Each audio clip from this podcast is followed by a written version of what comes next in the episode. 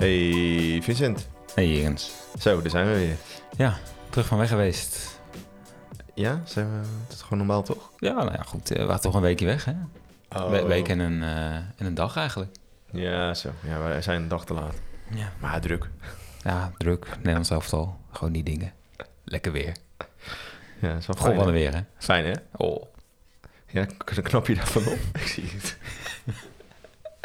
Nou ja, weet je, eh, zo'n winter gaat je toch niet in de koude kleren zitten. En als het dan opeens weer zomer is, dan eh, ja, is die zomertijd ook heerlijk. Ja? Ja. Ik heb echt moeite mee, moet ik eerlijk zeggen. Ik, met, met wakker worden nu. Ja? Ja, maar goed, dat, eh, dat hoe, is... hoe, Dat sta, is hoe sta jij in dat, in dat debat? Zomertijd, wintertijd. Welke, welk kamp zit jij? Z- Zwitserland. Zwitserland. Geen mening. Ja? Ja, ja, ik heb geen idee. Ja. Niet een soort vier seizoenen tijd. Daar, hoor ik het ook wel eens wat over. Eén keer een half uurtje. En dan voor de rest nooit meer aankomen. Eén keer een half uurtje. Ja, gewoon. eh, Dus in dit geval zou je dan, eh, denk ik, nu nog een half uurtje teruggaan. Ja. En dan is dat voor altijd de tijd. Forever. Ja.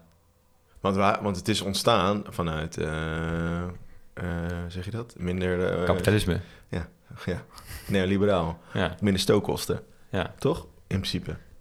Het is ook echt gewoon beter voor de economie. Maar goed, ja. We zitten volgens mij, qua tijd zitten wij eigenlijk eh, dichter bij... eh, eh, op het moment dat we naar wintertijd gaan, nou geef, geef ik me heel glad ijs, maar zitten wij d- dichter bij... We zitten in dezelfde tijdzone als Oekraïne, terwijl we bijvoorbeeld veel dichter bij Engeland liggen. Eigenlijk zitten we al helemaal aan de grens van onze tijdzone qua... als je naar de zon kijkt, zeg maar. Oh, zo. Ja, ja. Dus, en als je met zomertijd ga je, of met wintertijd ga je dan nog verder vanaf. Maar goed, daar gaat het vandaag niet over hebben. Maar, Nee, nee, maar toch wel leuk begin. Ik ga er leuk over om, om over na te denken. ja. Maar verder alles goed met je dus. verder, verder alles goed bij mij, zeker. Ja.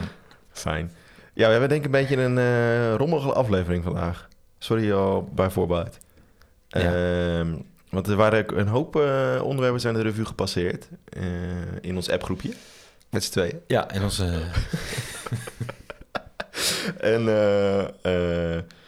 en toen hebben we eigenlijk maar een beetje besloten van... we gaan één onderwerp eh, gaan we verder uitbuiten. Maar dat is dus geen personage. Dus daar, ga- daar gaat ons format weer. En ehm, verder eh, de twee andere onderwerpen... dat worden dan onze historische weken. Dus eh, zo zijn, hebben we, zijn we met elkaar eruit, eh, eruit gekomen. Maar dat duurde even. ja. Maar zo gaan we het dus doen. Ehm, dus Vincent, hoe was, jouw, eh, hoe was jouw historische week? Gezondheid. Pardon.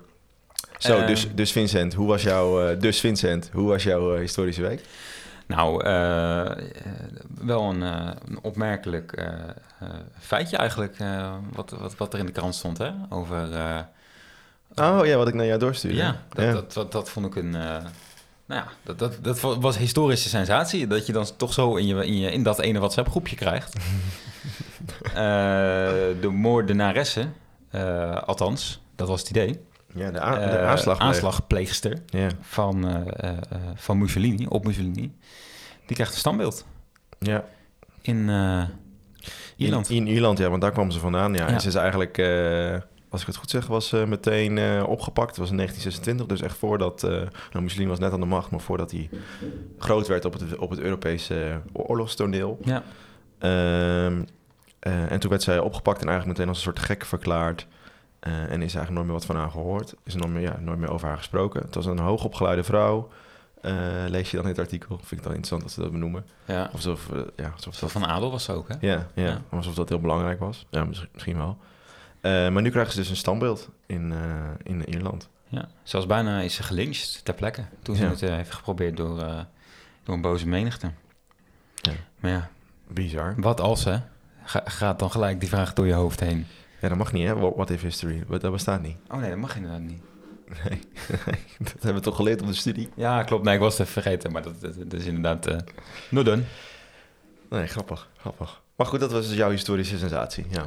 Nou ja, dat was... eh, ja, vond ik een opmerkelijk eh, fe- feitje. En, en wat, ja, wat zou het nou bepalen? Hè? Dat zo'n vrouw dan op dit moment dat standbeeld krijgt. Dat vind ik dan altijd zo fascinerend. Komkommertijd. Hm? Komkommertijd. Er is te weinig, te Ja. weinig, te weinig nieuws in de wereld. Of, of te veel coronanieuws is er eigenlijk. Ja. Wat dat betreft. ja, ik weet niet, maar dat, dat stond dus niet in het artikel. En ik, moet, ik zeg, ik heb het ook Nee. niet verder opgezocht. Van waarom nu opeens, eh, ja, dat het... eh, was het niet iets van 100 jaar geleden dat... Nee, nee, dat klopt niet, want het is niet 100 jaar geleden die aanslag gepleegd. Nee. Eh, nee, er staat niks in over het artikel. Nee, nee. Nee, Misschien gewoon een of andere... het is ook een Lobbygroep, best- ja. ja, misschien Ja. in Dublin komt het standbeeld. Eh, misschien dat daar eh, eh, een nieuwe gemeenteraad is eh, aangetreden die, eh, Die dat die, zorgt, die een soort boegbeeld zocht en eh, uiteindelijk daaruit kwam. Zou natuurlijk kunnen. Ja, kan ik me voorstellen, ja. Het is natuurlijk redelijk catchy. Iemand tegen het fascisme. Dat. Ja, in deze tijden ook. Ja. Ja, ja, ja, klopt. Ja, ja, misschien is dat het wel gewoon. Gewoon heel simpel. Leuk. En eh, eh, ja, ik denk dat jouw historische week eh, al een beetje in, inleidend is. Of niet? Ja, Wat komen gaat. Of heb je nog een ander spectaculair eh, nou, ik dacht, nou ja, ik wilde het dus over 1 april hebben. Eigenlijk. Ja, Dat is morgen. Morgen. Nee, dit nemen we het op op 31 maart. En ehm, toen ging ik ook even induiken in die geschiedenis van 1 april. Daar zijn nog duizend en een verhalen over. En dat vond ik wel, vond ik wel grappig. Want eh, als jij aan 1 april denkt, dan, eh, waar, als jij aan de geschiedenis van 1 april denkt, waar denk je dan aan? Eh, ja aan mijn eigen ervaringen en aan, aan, het- aan het bekende eh, eh, van de instanties ook voornamelijk, het journaal. Ja, oh ja, zo. Ja, ja. Want wat, weet je nog die ene 1 april grap van het Jeugdjournaal? Dat, eh, dat werkt dus nog heel goed, dat, dat ze toen zei dat Premier Balken de vader zou spelen van Harry Potter in die film. Echt? Ik geloof Oh, dat echt. ik echt niet. Oh, ja, ik heb het nog even opgezocht, dat was in 2003. Nou, wat grappig is, ehm, eh, 1 april is natuurlijk wel eens op Tweede Paasdag. Overigens zeg jij Tweede Paasdag of Tweede Paasdag? Tweede paasdag. Nou, ik zeg meestal Tweede Paasdag, maar maakt niet uit. maar eh, eh, dat is natuurlijk wel eens op Tweede Paasdag, Ja. eh, eh, 1 april. En mijn ouders hebben wel eens gewoon die klassieke uitgehaald. Dat, dat we naar school moesten. Echt? Ja.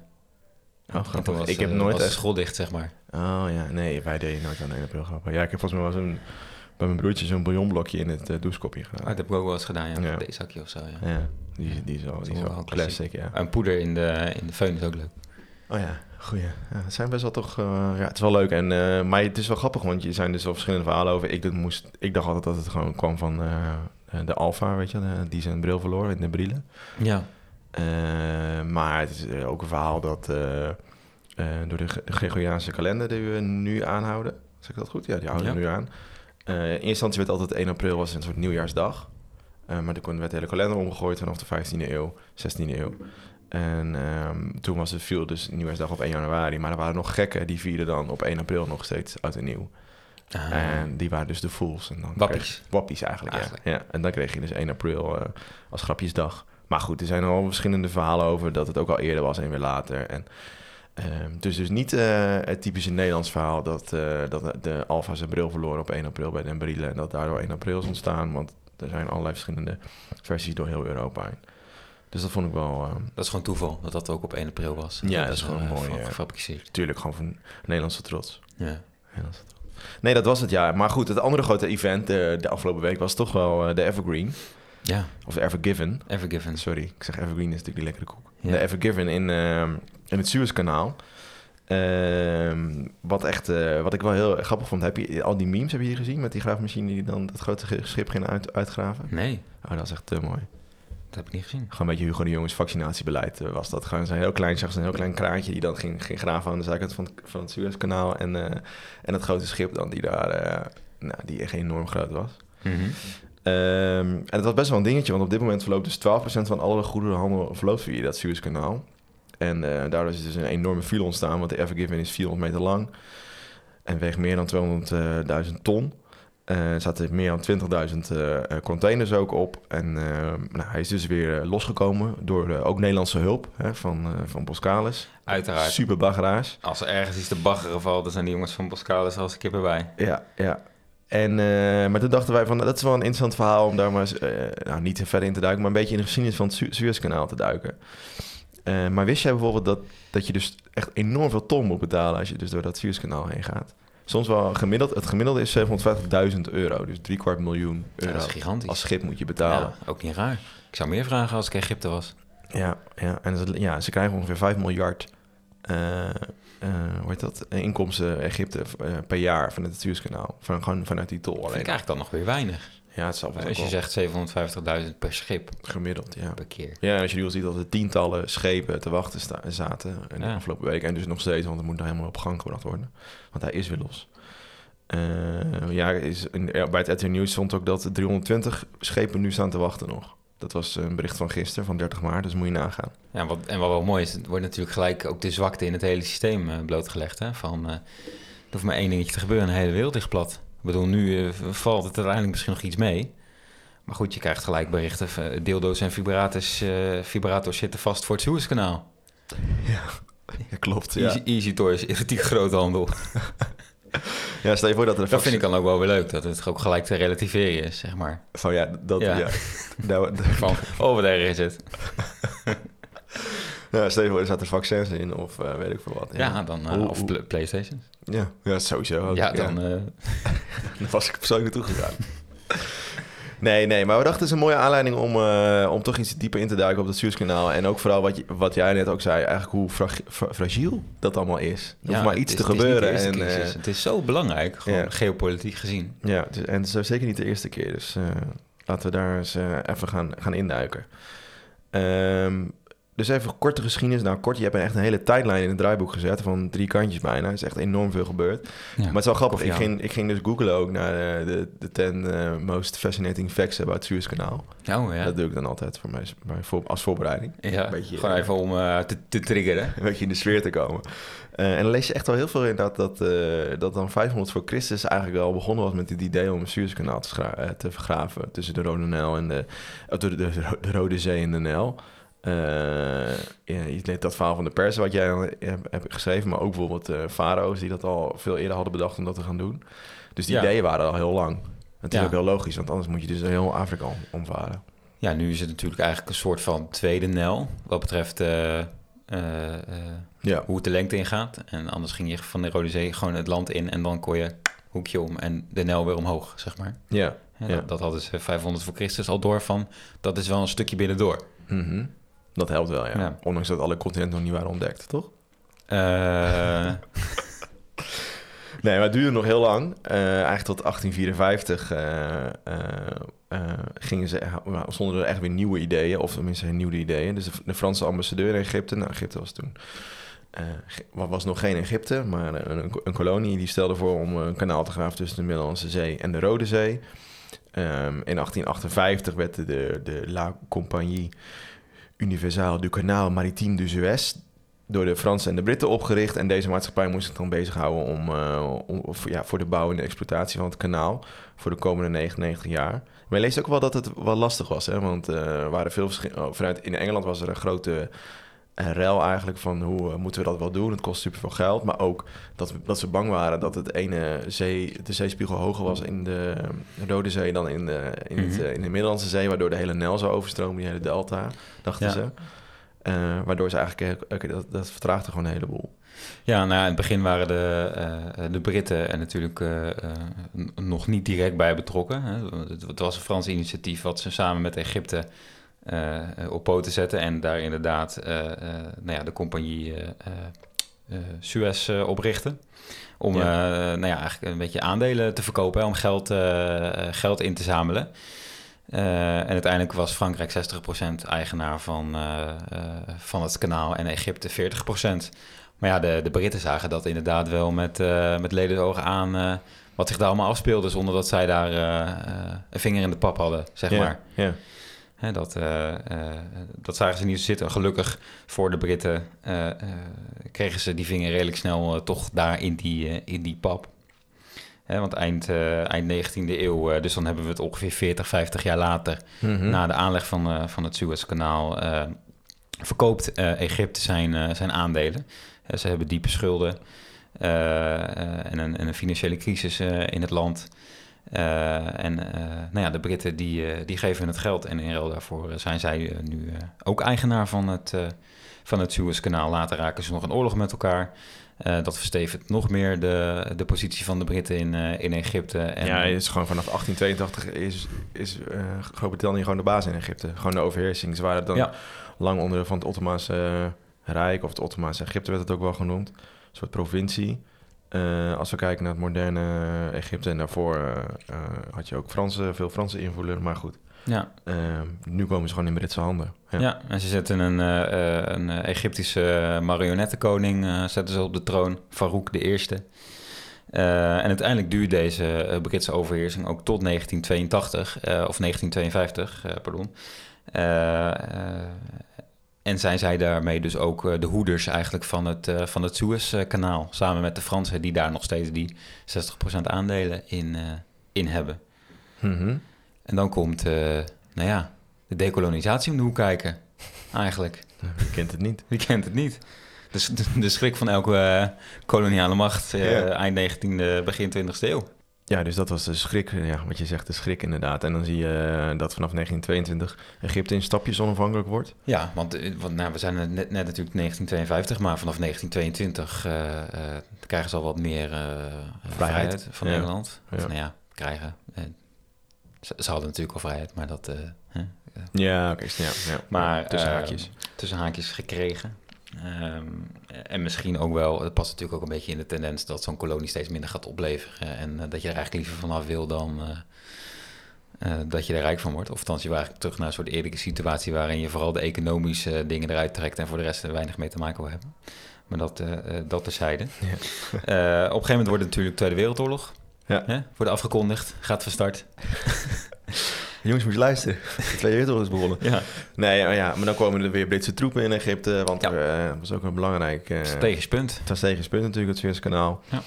Ehm, en dat betekent eigenlijk ook weer een soort, ja... Ja, eigenlijk weer een soort herkolonisatie eigenlijk. wel, Eh, ja. en, en dat wakkert ook weer een beetje die anti-Britse gevoelens aan. En, versterkt die, die eigenlijk. En eh, nou ja, dat blijft gewoon eigenlijk een beetje zo doorboren. En eh, eh, begin eh, jaren 50 eigenlijk helemaal in de tendens van... Nou ja, Mhm. alle dekolonisaties over de hele wereld. Ja. bijvoorbeeld Indonesië in eh 46, 47. Het is maar net een beetje eh, 45, 45, welk, welk eh, kalender je aanhoudt. Welk standpunt je hebt, ja. Staat de charismatische leider Gamal Abdel Nasser staat op. Ja, ja, en hij was een eh, onderdeel van de, van de vrije officieren. Dus een soort, hij deed gewoon een staatsgreep. Ja, wat we eigenlijk vorige week ook, eh, of vorige aflevering ook eh, zagen. Ja, Een clubje officieren die, eh, nou ja, toen waren het sergeanten, maar die... eh, Ja, en die zetten dan, en die, zetten dan die, die, die, die pionnenkoning eh, ja, af. Farouk. Ja, en eh, dus daarmee ook dus de Britse, Britse macht. En eh, officieel werd dan die Nasser een soort informeel leider. Eh, en uiteindelijk werd hij eh, de alleenheerser, de absolute alleenheerser van, eh, eh, van Egypte. En eigenlijk begon daarmee eh, het echte gezeik rondom het eh Suezkanaal. Ja, want eh, nou ja, Nasser geniet veel aanzien van de, eigenlijk ook de omliggende Arabische landen. Want dat is echt een teken van het kan, jongens. Bijvoorbeeld Algerije, waar het ook een beetje hetzelfde aan de hand is die van Frankrijk. Ja, het is wel interessant, want je leest dan dus overal dat, dat hij soort van... Hij, hij wilde geen, geen kant kiezen. Tussen, het is ook nog een koude oorlog natuurlijk op dat moment. Dus, Ja. dus hij wilde niet zeggen van ik ben... eh, ik sluit me aan bij de, bij de Sovjetkant ik sluit me aan bij de, bij de Europea- Europeanen Am- Amerika, Amerika-kant. Maar hij zegt we moeten juist met, met het Midden-Oosten, met de Afrikaanse landen en, en nog een ander machtsblok vormen. Eh, en dus niet kiezen uit een van die twee machtsblokken, maar zelf een machtsblok worden. En dan Ja. zag je ook dat hij dus wapens overal vandaan haalde, maakt niet uit waar. En dat is ook wel interessant. Dat, Want op zich, eh, Amerika probeert zich daar een beetje tussen te wurmen. Hè? Wat ze natuurlijk, nou, met Indonesië hebben ze eigenlijk hetzelfde gedaan. Eh, eh, daar hebben ze Nederland ook gedwongen. Van, van doe daar afstand van. Zij zijn natuurlijk heel erg van dat zelfbeschikkingsrecht van landen. Is niet, hè? Hm? Is niet. Het is een goed boek overgeschreven. Oh. Revolutie moet je lezen. Revolutie. Ja. Oh ja, moet nog lezen. Die is dik, joh. Die is heel dik. Kan wel even ingeven. Ja.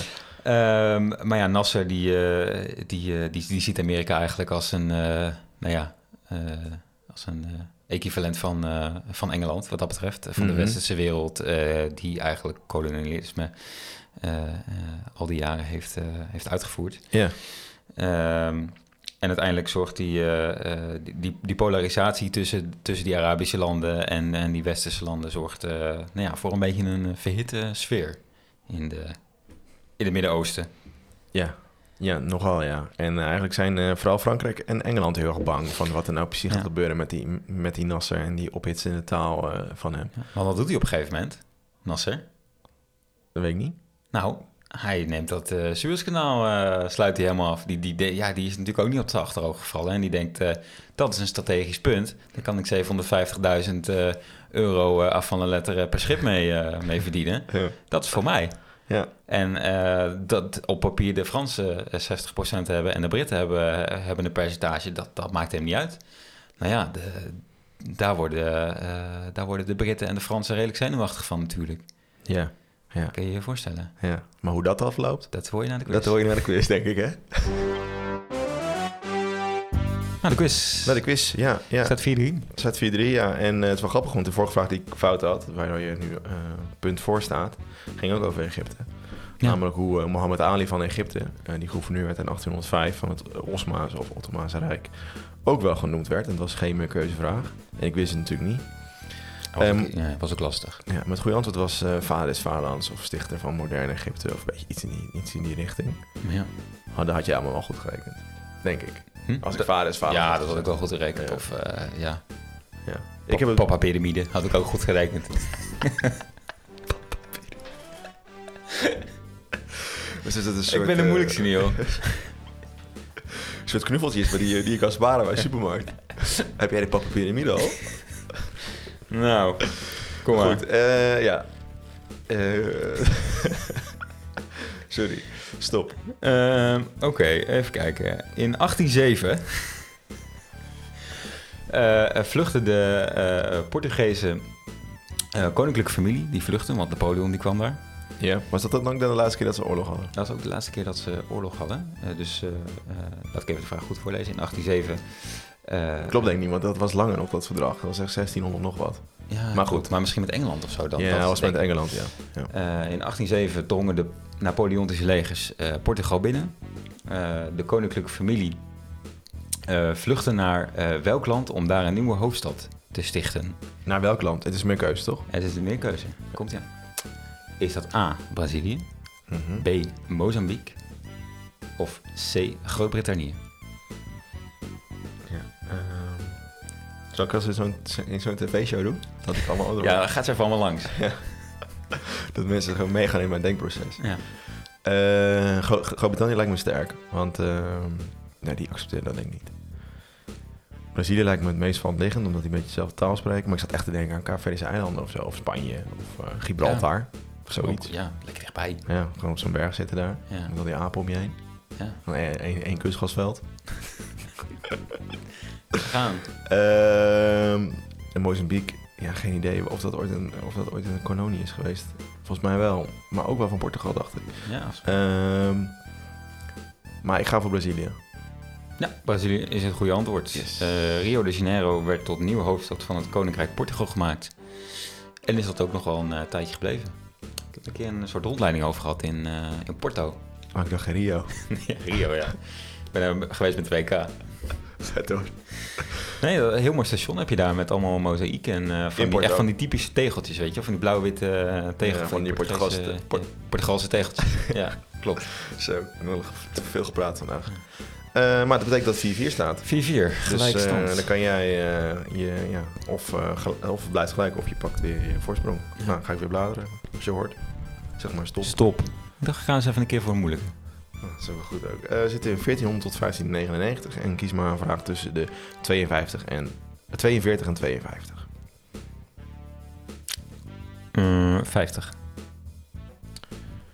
Leden van welke Italiaanse familie werden in de 15e en 16e eeuw beschuldigd van het vergiftigen van mensen, incest, overspel, diefstal, corruptie en talloze andere misdaden? Oeh. Het is geen meer keuze. Nou, dan zou dan haast wel de jongens van de Medici zijn. Ja, dat zou ik haast denken. Dat is ook de enige Italiaanse familie uit de tijd die ik ken. Ja. Dus überhaupt de enige Italiaanse familie denk ik, die ik ken. Ja. Barbaralo dan.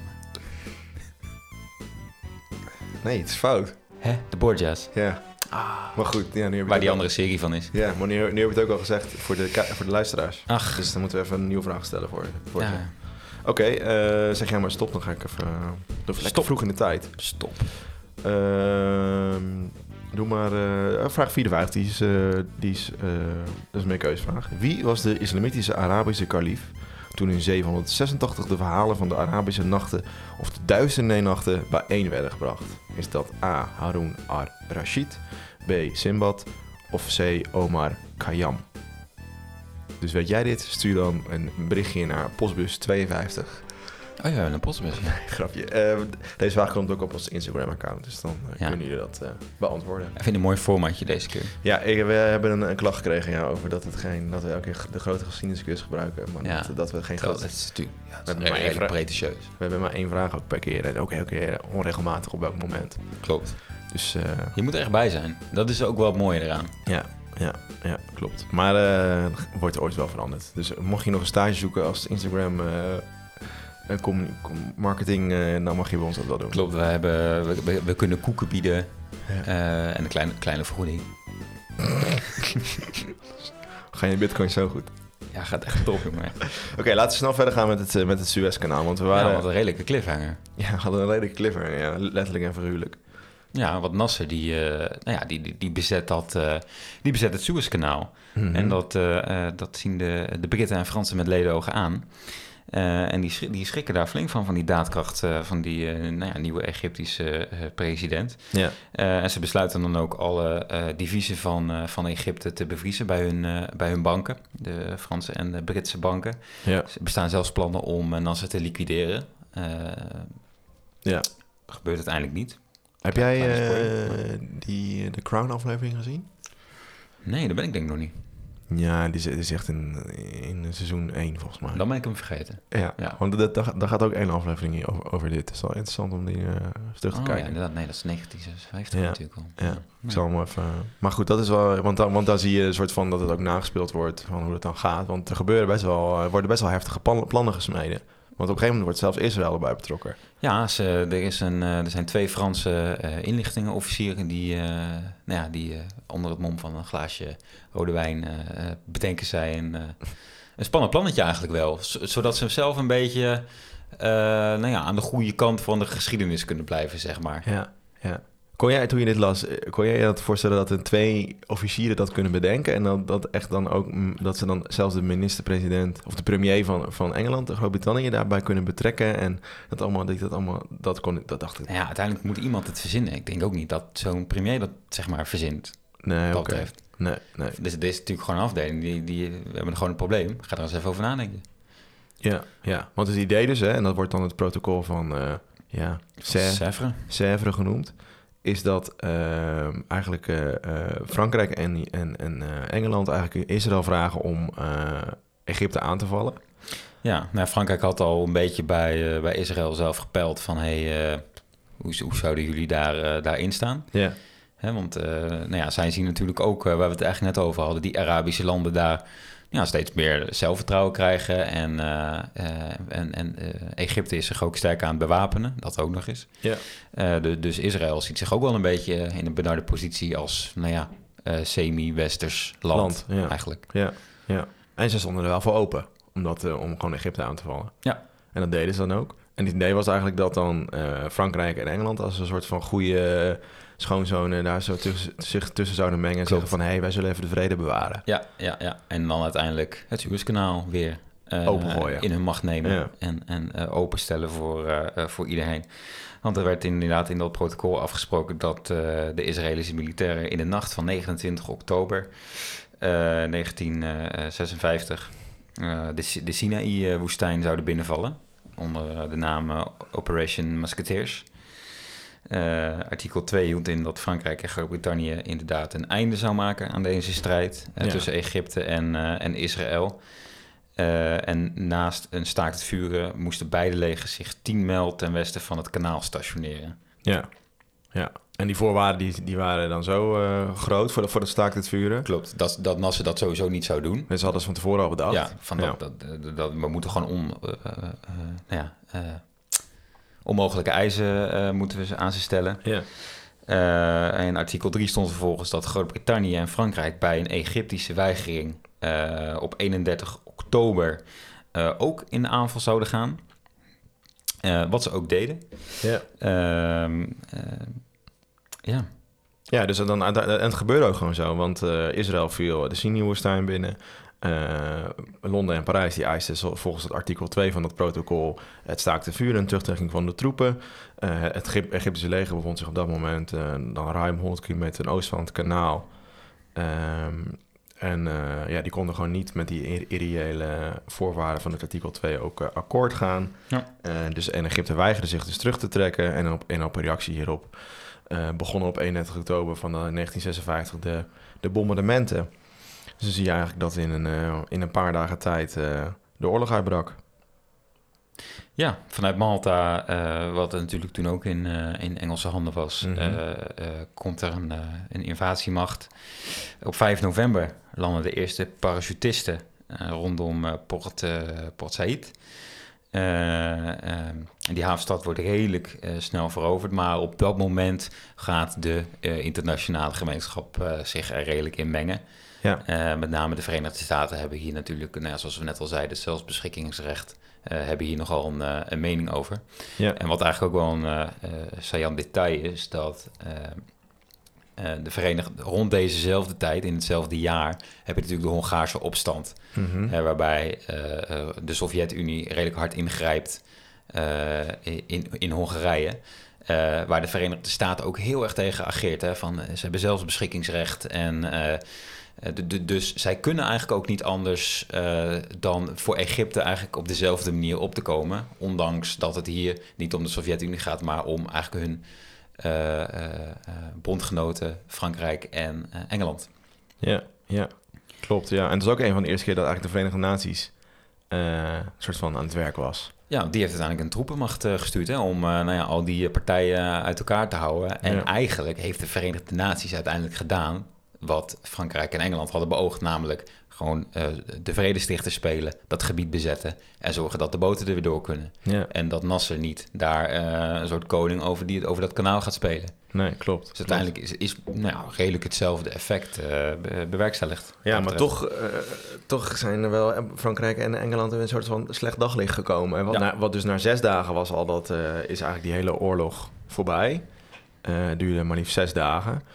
Uh, maar je leest eigenlijk overal, zelfs op Wikipedia, en dan is het natuurlijk waar, uh, dat vanaf dat moment eigenlijk Frankrijk en Engeland wel een stapje terug hebben gedaan op het wereldtoneel. Ja. Uh, en het mooie is eigenlijk nog dat, dat Groot-Brittannië of Engeland als eerste zeiden van we trekken ons terug, zonder te overleggen met Frankrijk. Dus die waren een soort van, hmm. als, als die in de nacht zich gaan terugtrekken zonder dat Frankrijk het wist. En toen wilde Frankrijk eerst nog doorvechten, maar eigenlijk hebben ze daarna ook snel het Engelse voorbeeld gevolgd en hebben zich ook teruggetrokken.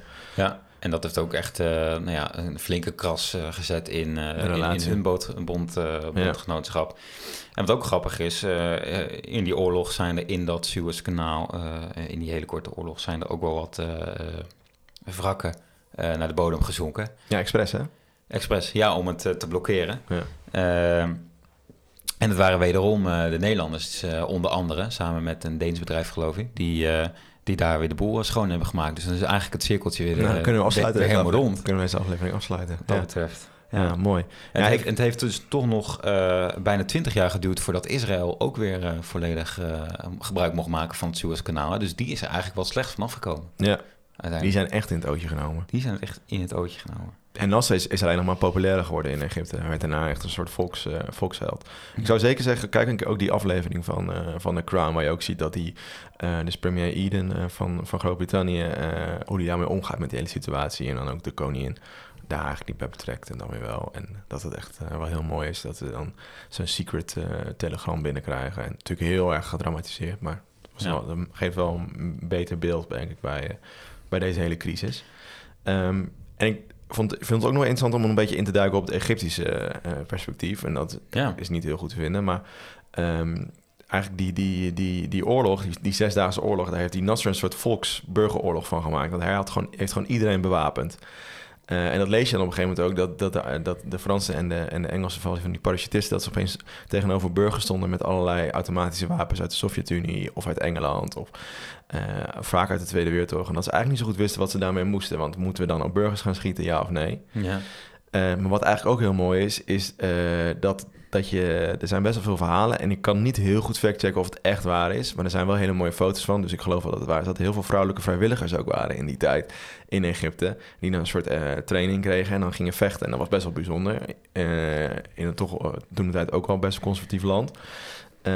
En dan zie je gewoon heel veel mooie foto's van vrouwelijke uh, scherpschutters bijvoorbeeld, die dan heel snel getraind werden om dat te vechten tegen de Engelsen en de, en de Fransen. Maar goed, ja. die oorlog was in zes dagen voorbij, dus wat dat betreft viel het allemaal wel mee. Maar het is wel grappig dat, dat hij een soort van totale oorlog van maakte, die, die Nasser meteen. Ja, ja. En je ziet natuurlijk ook inderdaad al wat je zei, dit is echt een soort laatste eh, oprisping van een soort eh, idee dat Frankrijk en Engeland ook nog maar iets te betekenen hebben op het wereldtoneel. Echt een laatste strohalm. Eh, ik, denk, ik denk ook wel dat zij dat zo benaderd hebben van als we dit nu kwijt zijn, dan, dan is het hek van de dam. Ja. Dan, dan, eh, ja, zijn we, Ja. dan zijn wij niet meer de baas.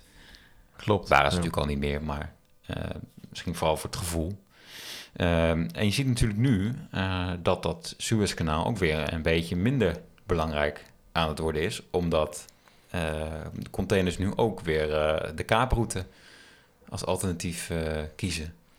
Ja, ja, want jij in het begin al eigenlijk... Het is best wel bizar, want het is zo'n nauw kanaal... en is maar zo belangrijk dat het... Ja, er hoeft maar iets te gebeuren en er is gewoon, zijn er gewoon problemen. Ja, dat zijn, Noord of zuid van de wereld. daar moet zo'n hele sterke diplomatie achter zitten. Dat kan haast niet anders. Ik bedoel, Nee. anders ben je toch Egypte en dan, dan zeg je gewoon vandaag is het 100.000 euro duurder en anders gaat het ding gewoon dicht. Ja. Maar dat, dat is gewoon daarna niet meer.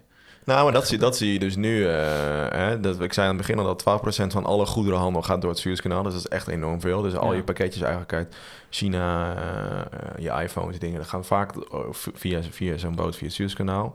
Omdat het vliegtuig ook vaak duurder is. Eh, en dan kan natuurlijk minder op een vliegtuig Ja. dan, dan op zo'n boot. Dan kun je nog aan 20.000, eh, soms meer dan 20.000 eh, containers op. Ja.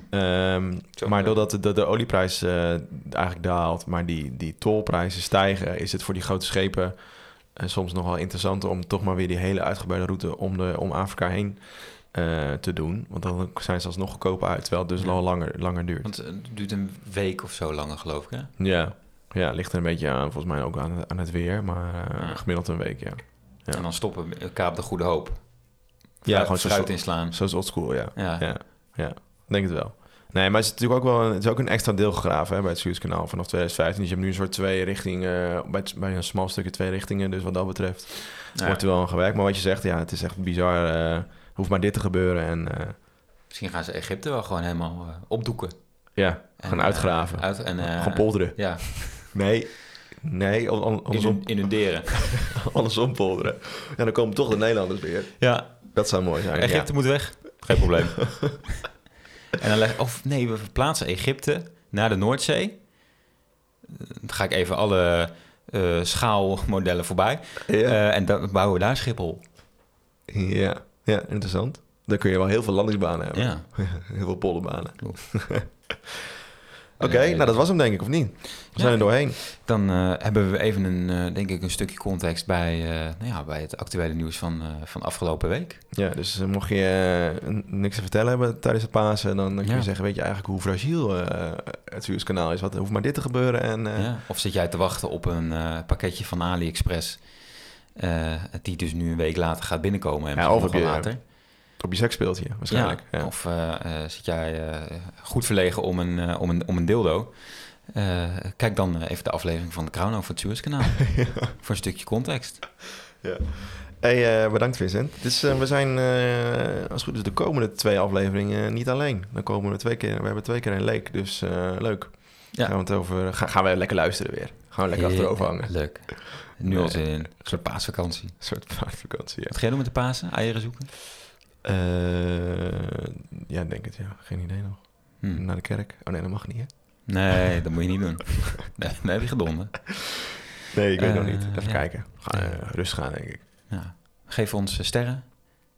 Eh, Oh, ja, ik eh, liken. dacht- Nee, ik was echt helemaal bezig met eh, richting, eh, richting aftiteling. Ik dacht dat jij een soort, eh soort christelijk liedje ging zingen.